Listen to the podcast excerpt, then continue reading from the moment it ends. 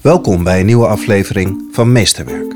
Een serie gesprekken over ontwikkelingen binnen het onderwijs. Je zou ook kunnen zeggen van waarom zouden ouders kiezen voor een traditionele school waar uh, alle kinderen op hetzelfde moment door hetzelfde hoepeltje moeten springen. In deze aflevering spreek ik rector Benno Breuer en conrector Emma Gripling van het Montessori Lyceum Flevoland. Als je het onderwijs wil aanpassen, dan moet je beginnen bij het moment, het allereerste moment dat je een kind onderwijs aanbiedt.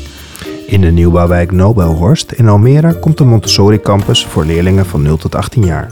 Dit bijzondere onderwijsconcept wordt nergens in Nederland op deze manier toegepast. Onder het motto liever lef dan laf hebben we de stoute schoenen aangetrokken en met veel ambitie en doorzettingsvermogen zijn we die doorgaande leerlijn eh, gaan opzetten. De komst van deze campus creëert een doorgaande leerlijn van 0 tot 18. Deze vorm van vernieuwingsonderwijs is gestoeld op de meest recent verkregen wetenschappelijke inzichten en op het gedachtegoed van Maria Montessori. Ieder kind is uniek.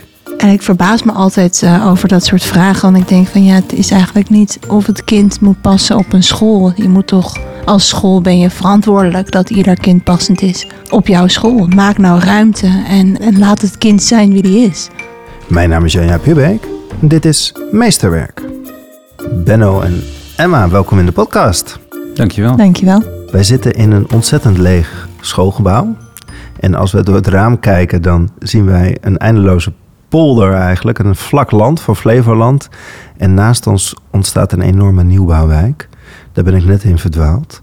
Maar ik heb het schoolgebouw gevonden. En voor de luisteraars die af en toe denken... Het, het, ik hoor heel veel bijgeluid, of misschien wel niet... maar als je iets hoort, dan is het echt de wind... die door de Flevopolder dit gebouw inwaait. Het is echt nog helemaal vers. Zo ervaar ik het in ieder geval. En jullie gaan hier iets, iets bouwen. Wat gaat hier komen, Benno?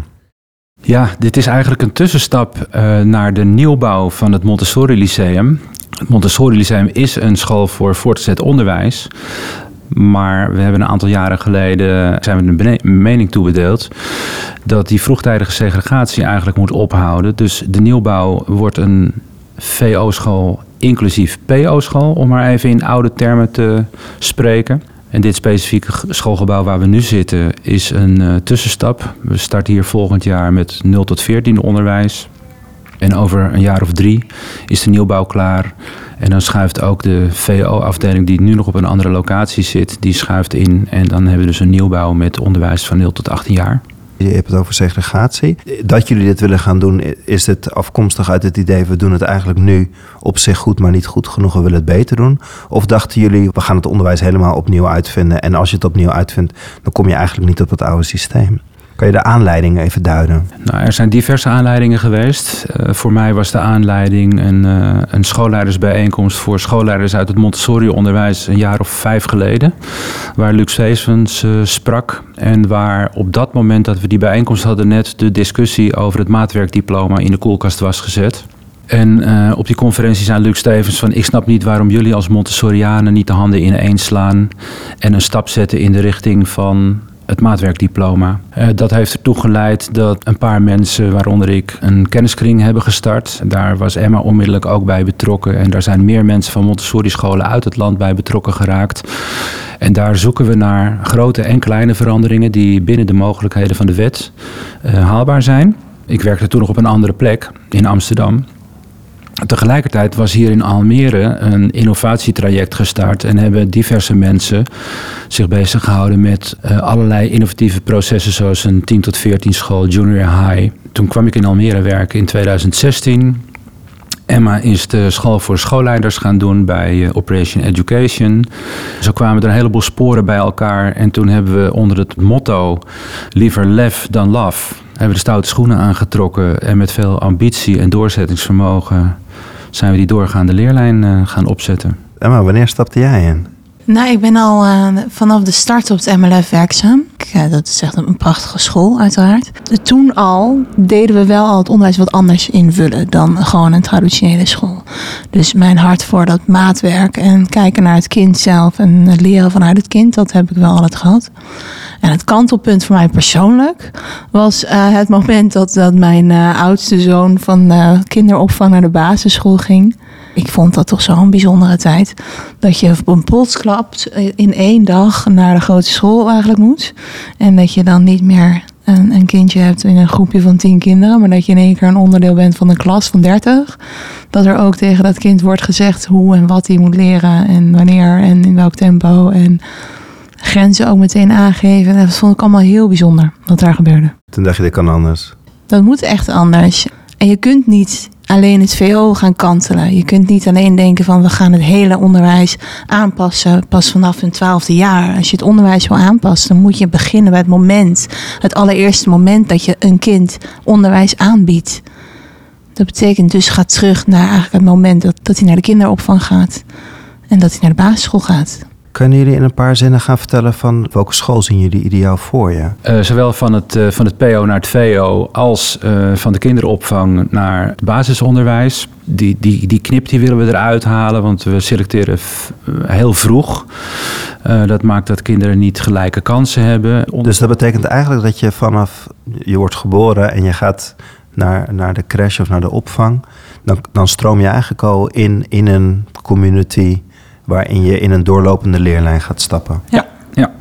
Uh, dat is de bedoeling. Ja, ja. ja. En, en we, we spreken dan ook over hè, een doorlopende leerlijn die wel gebaseerd is op leerdoelen, maar waarbij de leerling zelf heel erg de regie heeft. Uh, waarbij het niet vrijheid, blijheid wordt natuurlijk. Want uh, als een kind, nou ja goed, een kind kan misschien zelf bepalen wat hij wil leren, maar als hij even de ambitie of, of de zin niet heeft, dan moet daar begeleiding op zitten. Dus we praten ook over coaches in plaats van docenten of leerkrachten. En we hebben het ook over een fluïde overgang. Dus het is niet zo dat je aan het eind van het jaar overgaat van klas 3 naar klas 4 of van groep, uh, groep 4 naar groep 5. Dat kan ook halverwege het jaar of dat kan uh, aan het begin van het jaar of aan het, school, aan, aan het eind van het schooljaar. Dus daar zit uh, fluiditeit in. Um, dus een kind gaat gewoon verder in de leerlijn die hij volgt op het moment dat hij eraan toe is. Ja, en we werken dus ook niet dus met die klassen en de niveaus en leerjaren, maar uh, we volgen de ontwikkelingsfase van een, van een kind. Volgens die, die leerdoelen en hun eigen, uh, hun eigen leerdoelen ook. De meeste vragen die we krijgen van ouders, krijg ik al jaren. Joh, is, is Montessori geschikt voor mijn kind? Of past, uh, past mijn kind wel op het, uh, op het MLF? En ik verbaas me altijd uh, over dat soort vragen. Want ik denk van ja, het is eigenlijk niet of het kind moet passen op een school. Je moet toch, als school ben je verantwoordelijk dat ieder kind passend is op jouw school. Dus je moet ermee stoppen om, om ieder kind maar te duwen en te persen in dat wat je zou graag willen zien. Maar uh, maak nou ruimte en doe het anders, zodat je, en laat het kind zijn wie die is. Je vertrekt echt vanuit de mens, vanuit het mensbeeld. En dan ga je kijken naar groei, dan ga je kijken naar ontwikkeling. Ja, ja. ja. Hoe ingewikkeld was het om sectoroverstijgend te denken en ook die puzzelstukjes bij elkaar te krijgen. Want het zijn allemaal aparte wetgevingen, aparte regelgevingen, aparte financieringen. Hoe ingewikkeld was dat stuk? Dat is best ingewikkeld. Ik zei net al, je moet wel lef hebben en je moet ook de ambitie hebben en doorzettingsvermogen. Dat is best ingewikkeld, want we hebben te maken met drie verschillende cao's. We hebben te maken met verschillende salariering. We hebben te maken met, met een bouw waarbij een gemeente die eigenaar van het pand is, eigenlijk zegt: ja, maar een school heeft lokalen. Dus je moet echt wel de visie die wij hebben, moet je tussen de oren brengen van de mensen met wie je moet onderhandelen of met wie je uh, samen gaat werken. Naar buiten toe zijn we echt één team. Uh, alleen de achterkant is echt nog niet zo ver geregeld zoals we zouden willen. Het is hartstikke ingewikkeld en het is heel moeilijk. Het is al ingewikkeld om een subsidie aan te vragen op voor, voor een school wat nu net een nieuw brinnummer heeft. Uh, of eventjes geen brinnummer had, maar dat het eraan kwam. Je probeert continu uit te leggen wat je aan het doen bent. Maar je loopt soms ook wel tegen muren op. En je moet blijven doorzetten en zeggen wat je nou is. Wat, wat doen we nou? Wat is de bedoeling van wat we doen? Hetzelfde geldt voor die huisvesting bijvoorbeeld. De gemeente heeft echt wel veel gesprekken met ons al gevoerd. En willen echt wel veel. En die gaan wel meebewegen in heel veel dingen die wij ook willen.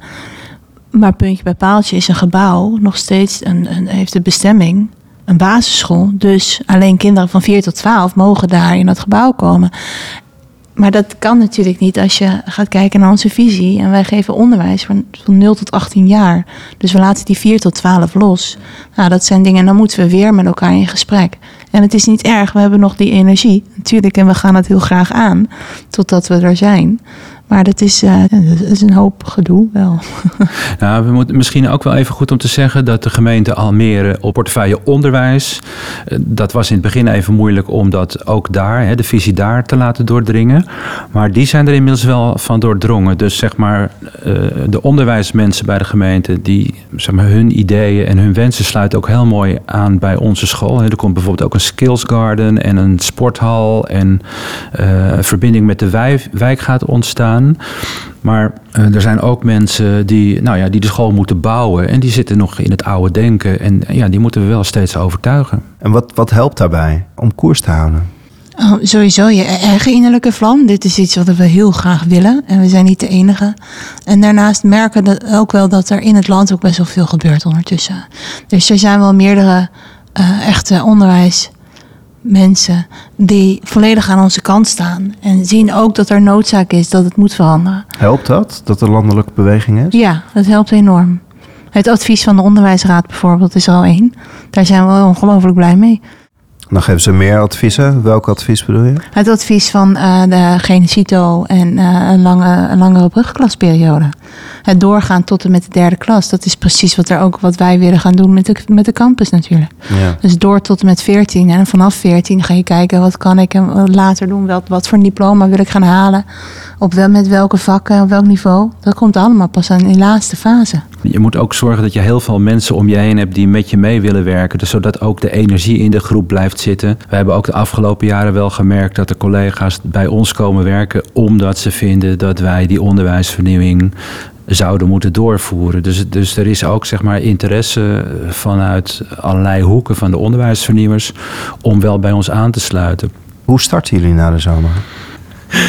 Ja, het is een mooie vraag, want het, het, terwijl wij dit gesprek voeren, zijn hiernaast sollicitatiegesprekken bezig voor de werving van uh, medewerkers die hier gaan starten. We hebben uh, op afgelopen jaar, dit schooljaar, hebben we op het MLF een, uh, een campusklas gehad. Waarbij we het onderwijs al vormgeven volgens de visie. dat was een keuze van de leerlingen en de ouders of ze in die campusklas wilden of in een reguliere klas. We hebben een aanmeldprocedure lopen. Er worden, in mei worden er uh, kennismakingsgesprekken gevoerd. We gaan dan ook echt. Uh, ja, het is dan een wederzijds verwachtingengesprek. Hè, want je wilt wel graag dat ouders en kinderen en de school op één lijn zitten over wat ze mogen verwachten van elkaar.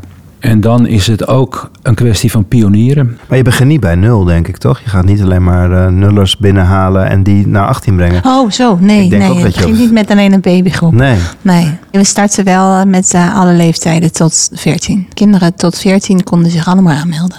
En gebeurt dat? Ja. ja. Van alle leeftijden? Ja, ja je hebt wel een meerdere aanmeldingen, een bepaalde leeftijdscategorie. Maar dat is ook de wijk waar we in zitten. Veel jonge kinderen, veel jonge gezinnen komen hier wonen. En die krijgen baby's. dus er zijn veel baby's.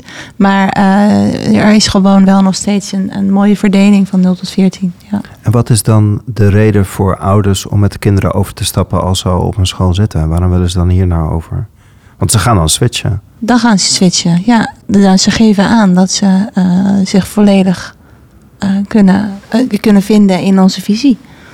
Uh, meestal hoor ik zijn ouders die vooral heel erg blij worden van de gedachte dat het, dat het een coach is. Dat er wordt geleerd vanuit het kind zelf. Dat er wordt gekeken naar die innerlijke vlam en van daaruit komt het onderwijs. En niet andersom. Dat is ook best dapper van ouders, want je, je, ja. je schrijft je kind in op een verlangen naar ander onderwijs. Klopt. En dat sterkt ook, hè, trouwens. Het wordt ook versterkt door ontzettend veel enthousiaste ouders. Die ons mailen met, oh wat fijn, dankjewel. Uh, eindelijk komt er zoiets, wat prachtig. En aan de andere kant ook hele mooie reacties met, oh wat jammer dat ik niet in Almere woon. Het is heel mooi, ja, mooie reacties.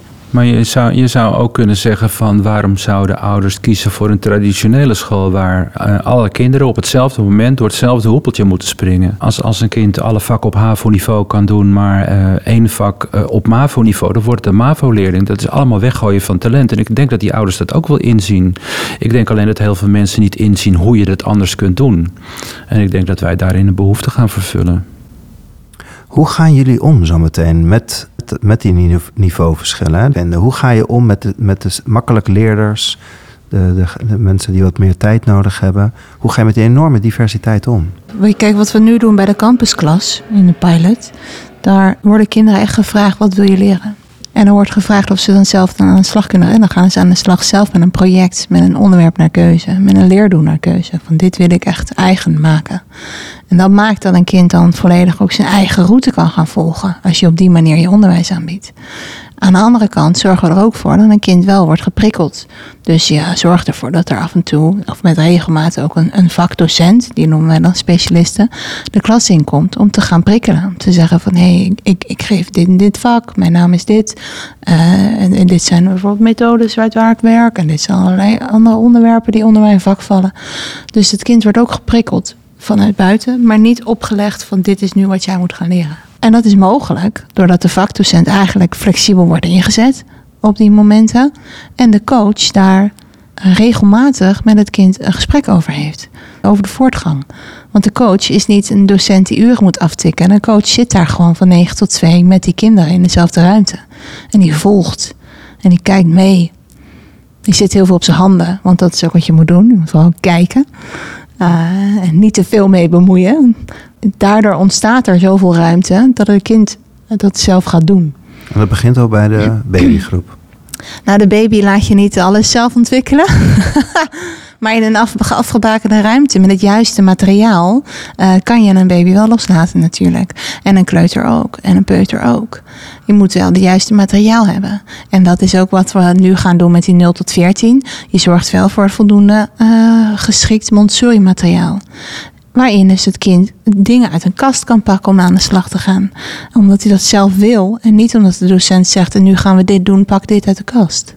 Het is continu dit nuanceverschil. Juist niet vanuit een docent of expert, maar vanuit dat kind. En dat gebeurt natuurlijk al op, gewoon op Montessori basisscholen. Dat is niet nieuw. Wat er bij ons dan nieuw aan is, is dat we uh, echt volgens die ontwikkelingsfases gaan werken. Uh, en dat het veel meer meer ruimtes zijn, meer open ruimtes. Dat zijn dan wel andere aspecten. Materiaal en ruimte zijn, zijn belangrijke middelen. Ja, en de 10 tot 14 is natuurlijk dan zeer vernieuwend daarin. Voor de fysieke omgeving uh, zijn we nu ook bezig met een ruimtestaat en, en, en een globale indeling van het gebouw. De verbinding tussen die vloeren, bijvoorbeeld tussen de 3 tot 6-jarigen en de 6 tot 10-jarigen, ook daar is in de fysieke omgeving een fluïde overgang. Dus kinderen kunnen alvast van de ene vloer naar de andere vloer als ze wat vooruitlopen met een bepaald onderwerp. Of als ze heel graag iets willen leren wat eigenlijk pas in de volgende ontwikkelingsfase aan Dan kan je al zeg maar fysiek worden uitgedaagd. Je gaat, op, je gaat op visite, ja. ja. ja. En hoe ga je dan om met die verschillende achterkanten? Hè? Want als je nu kijkt op scholen bij IKC's, dan zit er vaak ook nog gewoon een deur tussen de opvang en de school vanwege dat het twee verschillende ruimtes moeten zijn. Als je dit wil en je wil mij uitnodigen als driejarige om vast in die kleutergroep te gaan, dan, dan moet ik me niet gehinderd voelen door de school. Hoe gaan jullie met dat soort, met, met die regelgeving dan om in het gebouw? Ja, we, we zoeken wel naar de, naar de grenzen van de wet. En uh, ja, je hebt uh, bepaalde uh, voorwaarden waaraan je moet voldoen. en dat is voor kinderopvang is dat anders dan voor het PO-gedeelte. Daar heb je te maken met de wet. En daar heb je te maken met uh, andere regelgeving wat betreft uh, brandveiligheid bijvoorbeeld. Of, of uh, aantal vierkante meters per kind of dat soort zaken. maar daar proberen we wel speels mee om te gaan. Dus bijvoorbeeld, uh, wat je zegt van die driejarige, ja, die zit misschien in die groep van 0 tot 3 jaar, maar misschien in de groep van 3 tot 6 jaar. Maar daartussen, in de fysieke ruimte, zit het speellokaal. En het speellokaal is zowel voor de groep van 0 tot 3 als de groep van 3 tot 6. Dus daar ontstaat al een natuurlijke verbinding. Een heerlijke gedachte, hè, dat je uit kan gaan van, van een hele ruime ontwikkeling. Ja. Ik kan me ook als ouder dan wel weer voorstellen van ja, dat is heel fijn. Hè? Je krijgt de ruimte en gaat ontdekken en gaat ook zelf leren, wordt de eigenaar van het leren, zoals je dat mooi zei. Hoe hou je aan de achterkant voor die coach bij waar kinderen zitten, dat je, dat je ze ook wel weet op te rekken in wat ze kunnen en dat je daar goed zicht op hebt? Hebben jullie daarover nagedacht? Ja, we zijn vol in ontwikkeling. Het ontwerpteam is op dit moment bezig met het uitzoeken van een bepaalde portfolio-programma, wat een digitaal is, waarin je echt heel erg nauwgezet de ontwikkeling van het kind kunt neerzetten. Uh, met de nadruk dat dat echt, dat dat dus geen cijfers zijn of uh, allerlei dingen worden afgevinkt van oh hij kan dit, hij kan dit, hij kan dit. Maar dat het op een hele andere manier, maar wel nog steeds zichtbaar wordt van wat, wat het kind nou heeft gedaan, wat hij kan, wat hij. Zijn totale ontwikkeling wordt daarin neergezet. Daar zijn we nog druk mee. We weten wel dat ook dat soort programma's steeds meer uh, oppoppen in het land. Omdat die behoefte dus blijkbaar ook groeit. Er zijn meerdere scholen die zeggen: Ik wil dat we een, een systeem krijgen waarin we een totale ontwikkeling van het kind kunnen zien. Uh, en dat kan je nu nog niet. Ook ons systeem uh, op het Montessori in Flevoland zorgt er niet voor dat we dit, dat kunnen zien. En dan ben je bij, bij 14, 15 jaar. En, ja. en dan? Kan je maatwerkdiploma's doen? Zijn jullie zo dapper dat je net zoals bij de wetgeving de, de muren weghaalt? Gaan we op weg naar maatwerkdiploma's? Nou, Gaan we dat... Dat zou je door kunnen doen, maar dat kunnen we al. Dat doen we ook op het MLF al. We doen niet expliciet zo'n maatwerkdiploma, maar we doen al jaren dat een kind een bepaald vak misschien wel op een ander niveau doet. Of misschien wel versneld. Dus die doet in het vooreindexamenvak rond al een vak af. Maar ook een kind op de MAVO dat een, een, een kernvak op de HAVO volgt. En die doet er ook centraal eindexamen in. Dat mag allemaal al. Dus we zoeken nu al jaren de, de grenzen op van de mogelijkheden van de inspectie. Wat er nog niet is, is dat als je dat aanbiedt je zegt van nou, je doet dus, uh, stel je kan alles op, op VWO, alleen wiskunde lukt je gewoon niet, want wiskunde is gewoon simpelweg te lastig. zeg je, doe je, doe je alles op VWO, behalve wiskunde doe je op HAVO, dan vertrekt het kind met een HAVO-diploma en niet met een VWO-diploma. Dat is op zich ook oké, uiteraard. Maar een leerling wilde met een VWO-diploma graag naar de universiteit. En dat kan dan dus niet, want je krijgt een diploma op basis van het vak, op wat je doet op het laagste niveau. Zolang dat nog geldt, kunnen we nog niet zo heel veel. Want dan heb je echt nog niet dat maatwerkdiploma. Maar alles daaromheen voldoet wel aan de term hè, maatwerkdiploma. We doen het en we zouden dat nog verder willen doorvoeren. Maar je bent dan weer afhankelijk van de instroomeisen van het HBO en het uh, wetenschappelijk onderwijs. En dat betekent dus ook, ik heb het woord al eerder gezegd, het systeem. We zitten al jaren vast in een systeem wat we eigenlijk los zouden moeten laten, of in ieder geval zouden moeten aanpassen. Ja, zodra de universiteiten zeggen van uh, wij hebben bepaalde instapkwalificaties en die zijn flexibel. Dat zijn niet acht vakken op VWO-niveau zoals we dat nu doen.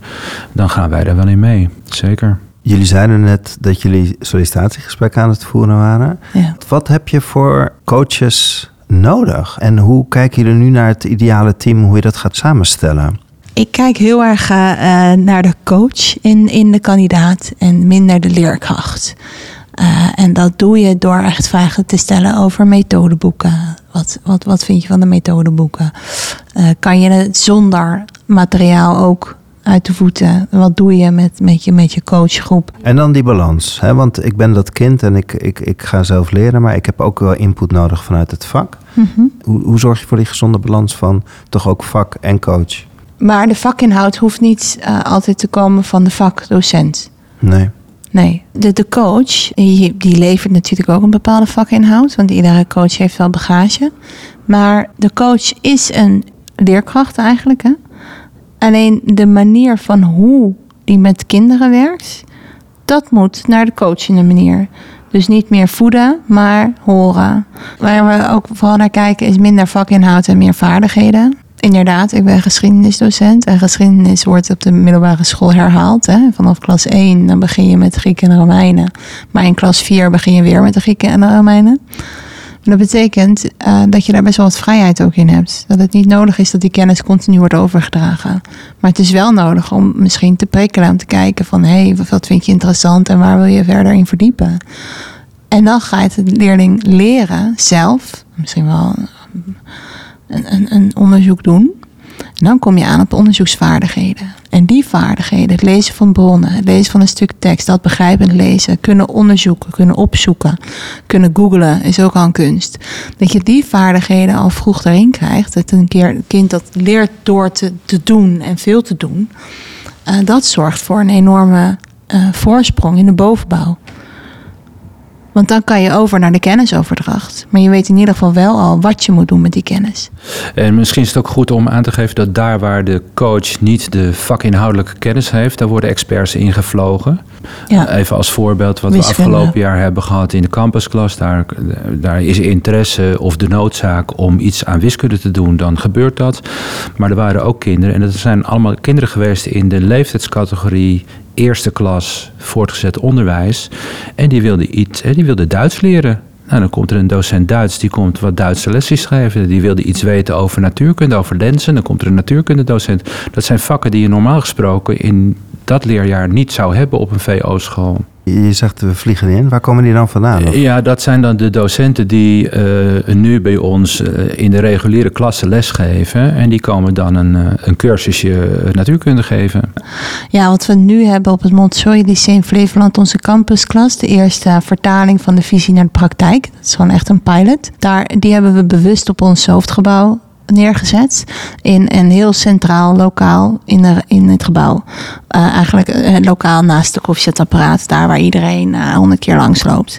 Die docenten ook. En die konden daardoor dus zien wat er nou gebeurt in lokaal 102. Die konden zien wat daar, wat daar ontstond eigenlijk. Want daar is echt iets ontstaan. Want daar was ook begonnen we met een leeg lokaal.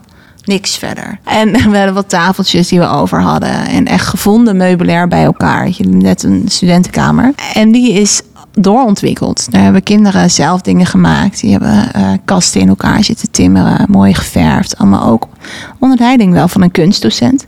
Die langs was gelopen en gedacht... hé, hey, ik kan jullie hierbij helpen. En die kan technieken uitleggen. En docenten die langskwamen, die zien dat dus steeds meer groeien. Er kwamen ook meer dingen aan de muur te hangen. En je dacht, oké, hier wil ik ook wel onderdeel van zijn. Of hey, misschien vinden ze mijn vak ook wel leuk. En dan laat ik een keer iets vertellen. Dus het is heel erg op vraag en aanbod gegaan. Ook op, erg veel, ook op initiatief van de docent. Wat we heel graag wilden. Hè. Laat het vooral als een soort olievlek door de school heen gaan. Eh, en het enige vak wat daar wat, wat, wat wel al eerder is, is gestart, dat is wiskunde. Ook omdat wiskunde wel gewoon een stapelvak is. En dat moet door. Bedoel, geschiedenis is echt een ander verhaal. Dan, dan, dan aan jou, Benno, de vraag: hoe ga je zo'n team samenstellen dat dit gaat groeien en dat dit ook echt kan gaan bloeien? Dat vraagt wat van jouw leiderschap, volgens mij. Nou, dat is best een ingewikkelde vraag. Ja, Ja, wat ik net zei, van, je, hebt, je hebt echt mensen nodig die, die de, de ambitie hebben en ook de energie hebben om het onderwijs te ontwikkelen. Wat heel erg belangrijk hierin is, sowieso in het Montessori-onderwijs, is samenwerking. Samen leren ook. Leren van de fout. Dus bij de, bij de samenstelling van het team wat hier straks het onderwijs gaat verzorgen, eh, zullen we daarop moeten letten. Maar dit betekent veel, heel veel autonomie geven en heel veel ruimte voor ontwikkeling bieden. Heel veel geld uittrekken voor scholing en, en eh, ontwikkeling, eh, studiereizen, schoolbezoeken. je, je gebruikt steeds het woord leren. Maar als ik van 0 tot 18 denk, dan, dan is het toch gewoon eigenlijk leven met elkaar. De babygroepen, die hebben ook een verzorgend iemand nodig. En, Ja. En dat gaat allemaal door elkaar heen zometeen. Hè? Dus je zit in, overal zit je tussen de, tussen de linies door. Daar gebeurt iets anders dan waar nu die schotten staan. Hè? Ja. Hoe geef je richting of ruimte, zoals je dat zegt, ook aan dat stuk? Kijk, het is, we gaan echt iets nieuws neerzetten. En dat betekent dat iedereen die in ons team werkt, of eh, in de toekomst in ons team gaat werken, en totaal uit zijn comfortzone wordt gehaald. Want we gaan, als je als docent bent hè, geweest altijd, je gaat echt iets anders doen. Wat Benno ook zegt, hè, dat is wel iets wat je samen gaat doen. En dan samen ben je sterk. Maar wat ook heel belangrijk daarin is, is dat je dat ook uitspreekt naar elkaar. Dat je die angst en onzekerheid ook uitspreekt. Van oké, er, gaat nu iets van mij verwacht worden wat ik helemaal niet, nog nooit eerder heb gedaan. En ik, ik- waar moet ik beginnen? Eh, als dat al met elkaar wordt besproken, dan kom je al zoveel verder. Want dan kun je ook dat soort dingen, eh, die angsten uitspreken, maar ook ervoor zorgen dat iemand de juiste hulp krijgt. Als je daar nog niet bent, als het niet lukt, dat, dat verbaast me ook niet. Want er is ook geen opleiding voor. Je, waar ik nu mee bezig ben, ik ben ik aan het kijken. Docenten hebben allemaal een leraaropleiding gedaan. Echt superleuk. Heb ik ook gedaan. Ook een hele leuke opleiding.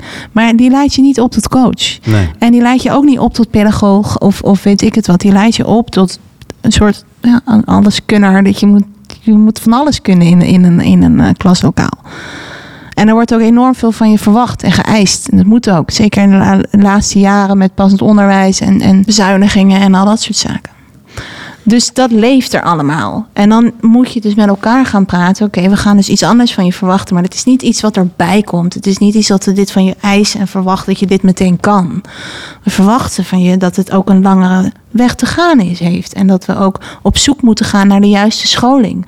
Om, dat, om die coach voor die, voor die groep te krijgen, zoals we in de visie ook hebben, uh, voor ons zien. Hoe ga je toch om met het feit dat jullie een nieuw iets gaan starten, wat er nog niet is, waar ongetwijfeld ook tegenkrachten en, en tegenbelangen in zijn? Hoe ga je met dat deel om?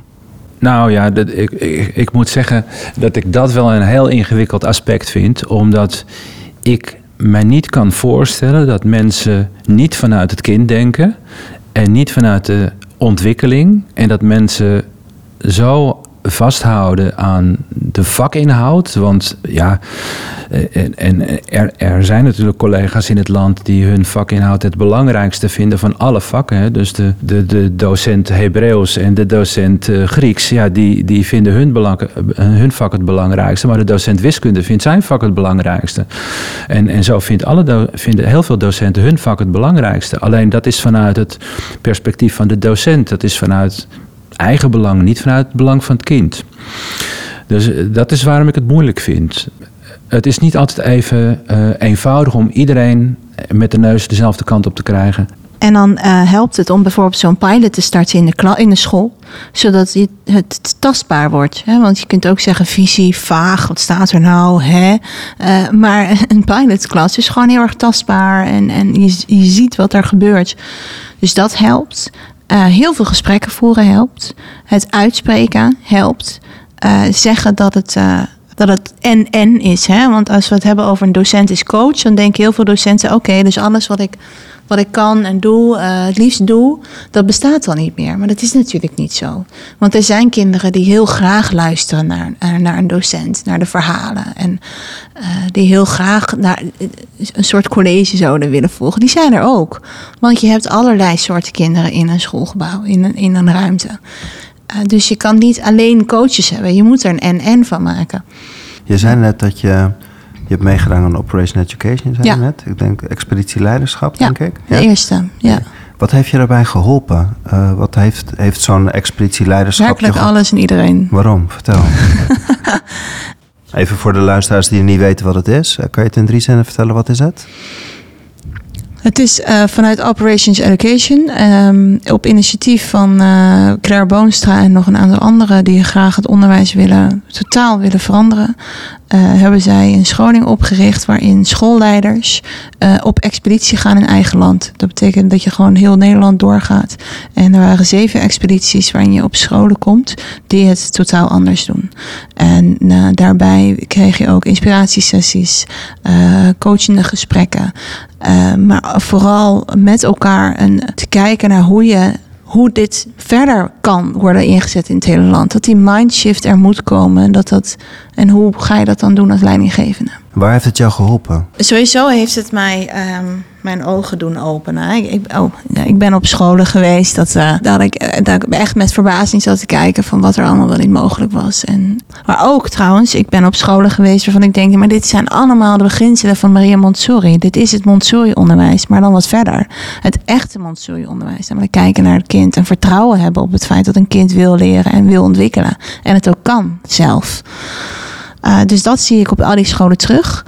Maar het waren allemaal geen Montessori-scholen waar ik ben geweest. Dus ik dacht ook nog van, nou, die vernieuwing die zou bij ons eigenlijk naadloos aanpassen. Uh, dus dat heeft me gebracht, echt mijn ogen doen openen. Maar ook, ik ben heel erg geïnspireerd geraakt door Jan Vaassen. Die met zijn leiderschap Agora heeft opgezet. Met chef Drummen. En daarover vertelde als leidinggevende. Hij ging dus vertellen wat hij dan doet als leider in, in het onderwijs. En dat is heel waardevol. Wat, wat moet ik nou doen als leidinggevende om een team zover te krijgen? Of om er samen die groep mee te krijgen naar wat, wat het onderwijs zou moeten zijn. Uh, maar Agora is wel um, kijken naar dat kind. En mijn Montessori-onderwijs is ook helpt mij het zelf te doen. Hè? Dus je, wilt, uh, je gaat ervan uit dat ieder kind nieuwsgierig is en dat ieder kind iets wil. Als je maar prikkelt op de juiste momenten, op de juiste tijd en met de juiste dingen. En dat doet Agora wel. Want die laat het met rust. Die laat dat kind ook met rust. Die denkt, oké, wil jij dat op die manier gaan doen, dan moet je dat gaan, vooral op, dat, die manier gaan doen. En dat zie je terug op meerdere vernieuwende scholen, overigens. Ik zie ook steeds meer reguliere onderwijsinstellingen meer naar die kant toe te buigen. En dan komt allemaal weer terug, omdat toch dat vertrouwen hebben in het kind. Dat is de, kern van, van Maria Montessori. Wat mij het hele gesprek al verbaasde en wat ook toen hij binnenkwam, buiten is het echt één vlakke wildernis, Ja. waar de wind heel hard overheen gaat en die draaimolens aan de horizon heel veel energie doet, eh, doet opwekken. En jullie zitten hier in een totale rust en vertrouwen. Het komt wel goed. Het lijkt me een doodenge fase. We zitten echt in een totaal leeg gebouw. We hebben net met stoelen moeten slepen en een tafel om überhaupt een podcast te kunnen opnemen. En jullie stralen gewoon enorme rust uit en zelfverzekerdheid. Waar is het spannend voor jullie? Nou, eigenlijk op alle vlakken wel. Want ja, je wil, het, je wil wel het beste voor het kind. En eh, we gaan wel iets nieuws doen. Dus het is heel spannend of het allemaal gaat lukken. En dan kunnen wij wel het vertrouwen hebben. En, en dat hebben we ook in elkaar en, en in het team wat we hebben. En eh, we hebben veel mensen om ons heen die, die ons kunnen helpen. Maar ja, het is best spannend. En het zal zeker niet allemaal foutloos gaan. Eh, het is ook niet erg. Maar het is ook een beetje analoog aan wat we willen met die kinderen. Die mogen straks hun eigen leeromgeving creëren. Wat Emma vertelde over het lokaal waar de campusklas zit. Die hebben dat zelf ingericht. En dat verandert iedere week van inrichting. En zo gaan we hier ook starten. We gaan niet het de lokale alvast inrichten. We zorgen dat er materiaal is. En de kinderen gaan straks de lokale inrichten. Zodat zij in een veilige en, en voorbereide leeromgeving De terechtkomen. baby's niet overigens. Baby's maar, niet, die mogen niet met stoelen sjouwen. En rotsvast vertrouwen in het team wat daar nu bezig is. Eh, het feit dat het moet, dat het nodig is. Dat dit onderwijs gewoon echt anders moet. Ja, daar ben ik van overtuigd. Dus ik ben eigenlijk alleen maar blij dat het uiteindelijk komt. Ja, en dan zullen we ook kunnen laten zien, dat, eh, zo ingewikkeld was het niet. Er zijn verschillende initiatieven in Nederland. Je bent ermee bekend. Eh, en dat zijn allemaal mensen die de uitdaging aandurven. En het is jammer dat het niet meer mensen zijn. En ik denk dat als, er, als die uitdagingen niet aangegaan worden, dan verandert het on- het onderwijs niet. Nou ja, dan, dan moeten we maar een keer tegen de lamp lopen. Dan moet er maar een keer iets niet geregeld zijn. Er verandert, niets als je, er verandert niets als je altijd maar hetzelfde blijft doen. Mag ik jullie danken voor dit gesprek? Dankjewel. Graag gedaan. Ja, tuurlijk, alsjeblieft. Dankjewel. Meer podcastafleveringen van Meesterwerk zijn te beluisteren via Spotify, iTunes, Soundcloud of kijk op janjapubeek.nl. Je kunt deze aflevering een duimpje of een aantal sterretjes meegeven, zodat meer mensen deze podcast makkelijker kunnen vinden. Hoe dan ook, tot de volgende aflevering van Meesterwerk.